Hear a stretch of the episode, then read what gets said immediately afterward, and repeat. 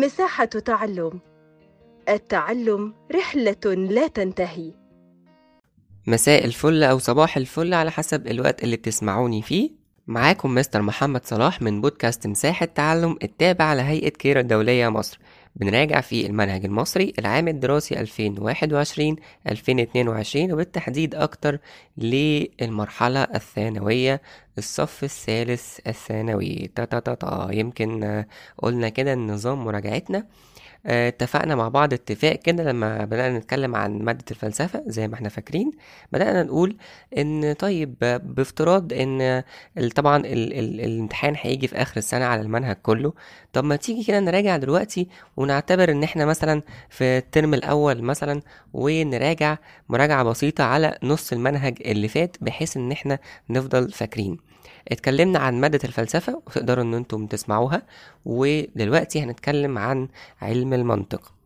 مراجعتنا بتكون عبارة عن إن إحنا بنغطي كل أجزاء المنهج اللي فات لغاية تقريبا نصه ونصه دوت هن- هنبدأ إن إحنا طبعا بيختلف من كل مادة للتانية.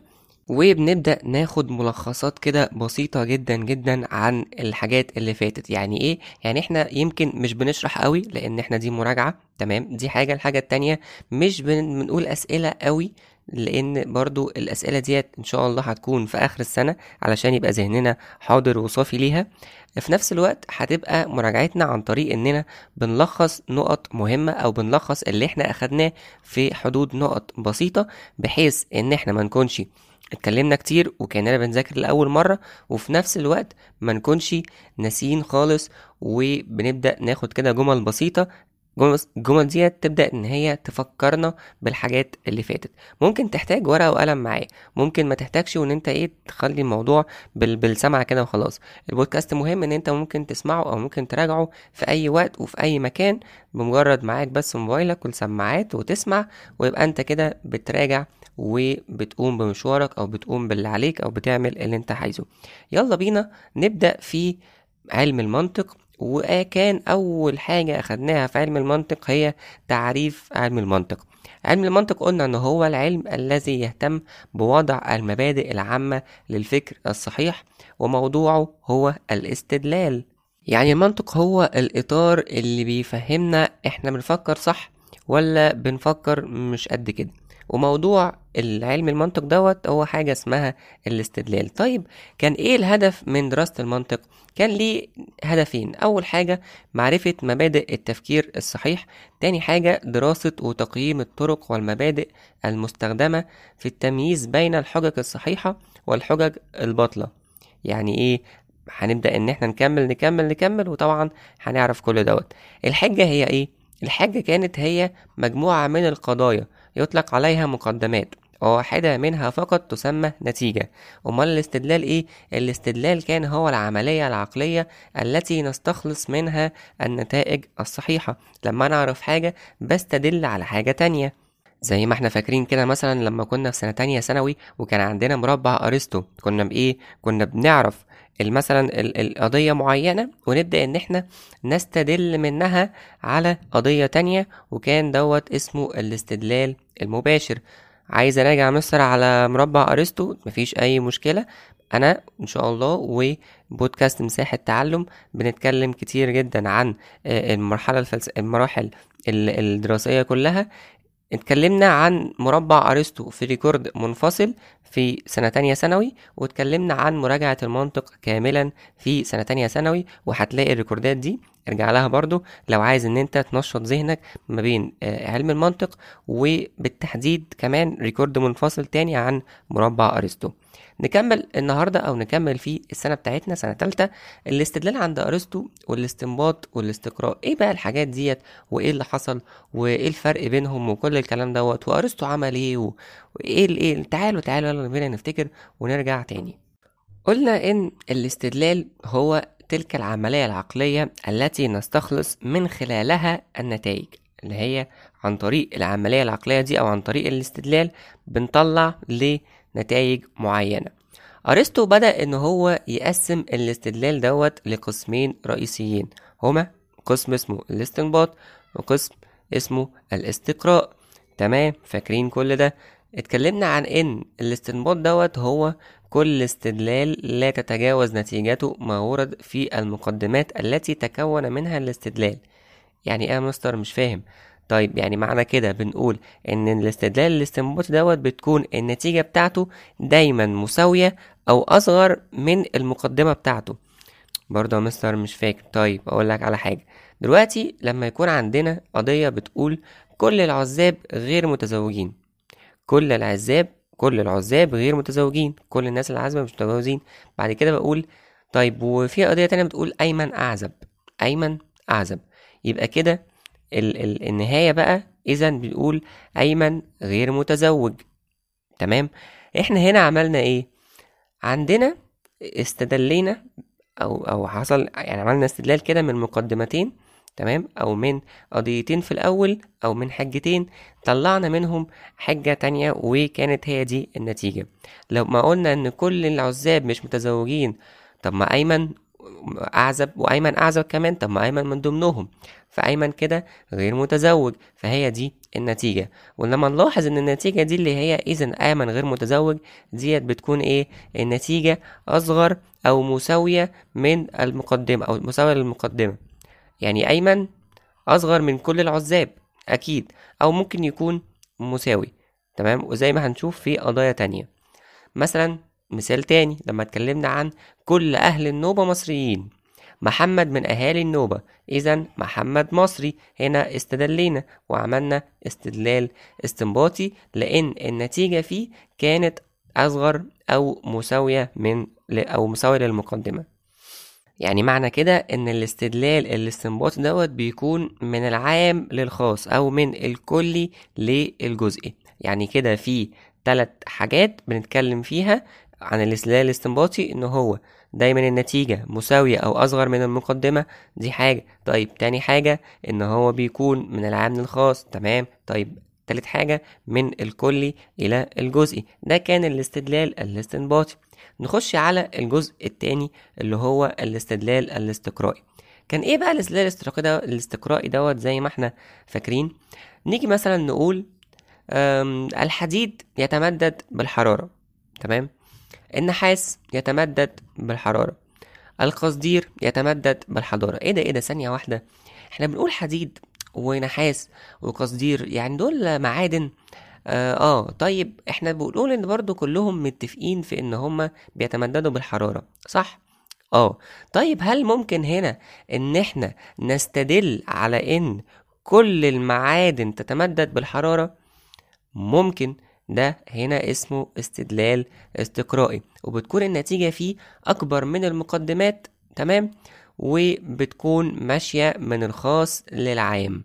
بمعنى إن إحنا دلوقتي بنقول آه قلنا حديد لوحده قلنا نحاس لوحده قلنا قصدير لوحده. لكن بعد كده قلنا كل المعادن أو كانت النتيجة إيه؟ كل المعادن تتمدد بالحرارة. يبقى أنا هنا استقرأت من أجزاء صغيرة لحالة عامة. يعني دوت اللي اسمه الاستقراء. الاستقراء دوت برضو اتكلم عنه الفيلسوف اليوناني أرسطو وكان بيقصد بالاستقراء إيه؟ هي إقامة البرهان على قضية كلية استنادا إلى أمثلة جزئية. المعادن قضية معينة مثلا زي تمدد بالحرارة. استقرأت بيها. المعادن كلها بناء على أمثلة جزئية صغيرة زي القصدير والنحاس والحديد. تمام. بننقل فيه من الحالات الفردية للحالات, للحالات الكلية. مظبوط. بنتنقل فيه من المعلوم للمجهول. مظبوط. جدا جدا جدا جدا جدا. مش بس كده كمان ده كمان أرسطو بدأ إن هو يقسم الاستقراء ده وقسمه لأنواع. أول نوع اسمه الاستقراء التام وكان تاني نوع اسمه الاستقراء الناقص. الاستقراء التام دوت بقى كان معناه إن إحنا بنحصر كل الجزئيات للموضوع اللي بنبحث عنه بعد كده بنعمم الحكم عليه. يعني إيه؟ يعني أنا دلوقتي زي ما قلنا مثلا قلنا الحديد والقصدير والنحاس لأ ده إحنا بقى هنيجي إيه؟ هنكمل كده. أدي حديد وقصدير ونحاس. تعالى كده شوية تعالى ناخد الالومنيوم آه تعالى كده شوية ناخد المش عارف إيه. ناخد كل المعادن اللي موجودة ونبدأ إن إحنا نستقرئ إن بعد كده كل المعادن آه، بتتمدد بالحرارة. ده هنا المقصود بيه إن إحنا بنحصر كل الجزئيات للموضوع اللي بنبحث عنه. إنما الاستقراء الناقص كان هو الاستقراء اللي إحنا بناخد منه عينة من موضوع البحث وبعد كده بنعمم النتيجة بتاعته. هو زي المثال دوت الحديد بيتمدد بالحرارة النحاس بيتمدد بالحرارة كل المعادن بتتمدد بالحرارة يعني بنفترض أو بناخد عينة. مثال تاني مثلا لو إحنا عاوزين نشوف شاكين في حاجة كده بالنسبة لعيانين أو حاجة فروحنا للدكتور الدكتور قال لك اعمل تحليل دم. تحليل الدم دوت هو مش هياخد كل الدم كله من جسمنا نحلله ونشوف فيه إيه وندخله تاني. استحالة طبعا إنما إحنا بناخد منه قطعة صغيرة أو بناخد منه شوية صغيرين دول بنحللهم وبعد كده بنعمل إيه؟ بنستقرئ باقي الدم على إنه بنفس النتيجة بتاعة العينة الصغيرة اللي موجودة. لكن الاستقراء التام دوت بقى بدأ إن هو يتعرض للنقد. ليه بقى؟ لأنه أول حاجة بيفتقر للقفزة الاستقرائية المعروفة اللي هو الانتقال من المعلوم إلى المجهول. طيب تاني حاجة لا يوجد تعميم إحصائي دقيق. تالت حاجة يستحيل استخدامه مع الحالات اللامحدودة العدد زي مثلا الظواهر الطبيعية آه، حبات الرمل النجوم كل الحاجات دي إحنا مش هنقدر إن إحنا نبدأ إننا آه، نعدها فبالتالي دي كانت من أوجه النقد اللي اتقدمت في الموضوع ده. خلصنا الجزئية دي بعد كده دخلنا على حتة تانية وهي بتقول الحجج الاستنباطية والاستقرائية بين التفسير التقليدي والمعاصر. اتكلمنا فيها عن إيه بقى؟ اتكلمنا فيها على إن في نوعين من الحجج. أول حاجة اسمها التفسير التقليدي تاني نوع اسمه التفسير المعاصر. وطبعا لكل تفسير من دول في جزئين أول جزء الحجة الاستنباطية تاني جزء الحجة الاستقرائية. ده بالنسبة للتفسير التقليدي. طب بالنسبة للمعاصر برضو في الحجة الاستنباطية وفي الحجة الاستقرائية. طبعا فاكرين كل الكلام دوت لكن هنكمل عليه تاني وبنراجع عليه مراجعة بسيطة جدا. الحجة الاستنباطية في التفسير التقليدي بت... بت... بتشكل مقدماتها أساسا حاسما لصحة نتيجتها. يعني إيه؟ يعني المقدمة بتقدم أساس حاسم وأكيد جدا جدا بالنسبة للنتيجة. طيب تاني حاجة الحجة الاستنباطية دي صحيحة حينما تلزم النتيجة لزوما ضروريا عن المقدمات. مستر مش فاهم أو مش فاكر هنكمل تاني وهنقول أمثلة ما تقلقش من كل حاجة. بعد كده بنتكلم على إن كده إيه يعني الحاجة ال- يعني تقييم الحاجة الاستنباطية ديت ممكن إن هي تكون صحيحة أو غير صحيحة. تمام؟ اللي هي يعني باطلة أو فاسدة أو كل الكلام ده. ناخد أمثلة ناخد أمثلة. لما نقول كل القطط ثدييات. كل النمور قطط. أدي عندنا كل القطط ثدييات ديت أول مثال. طيب تاني تاني مثال أو تاني قضية. كل النمور قطط. يبقى اذا هنطلع بنتيجة اللي هي اذا كل النمور ثدييات. عندنا أول قضية صحيحة اللي هي كل القطط من ثدييات. تمام. كل النمور قطط دي برضو قضية صحيحة تمام؟ وفي الآخر طبعا هتطلع النتيجة الصحيحة اللي هي اذا كل النمور من ضمن الثدييات. مظبوط جدا. ده اللي اسمه الحدة الحجة الاستنباطية. مش بس كده ده الحجة الاستنباطية صحيحة كمان. طب مثال على الحجة الاستنباطية غير صحيحة. لما أجي اقولك كده كل الفقراء بخلاء وكل التجار فقراء. اذا كل الأغنياء بخلاء لا لا لا ثانية واحدة كده. كل الفقراء بخلاء دي تمام. طيب آه كل الفقراء بخلاء دي صحيحة ولا مش صحيحة ولا إيه؟ يعني هو شرط إن كل الفقراء يكونوا بخلاء؟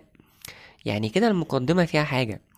إيه طب بعد كده كل التجار فقراء برضو مش مش قد كده. طيب لما نقول بعد كده اذا كل الأغنياء بخلاء برضو لا لا مش مش مش حاسسها كده ومش فاهمها وهي فعلا حجة استنباطية غير صحيحة. ليه؟ علشان المقدمة بتاعتها كاذبة فبالتالي النتيجة طلعت كاذبة.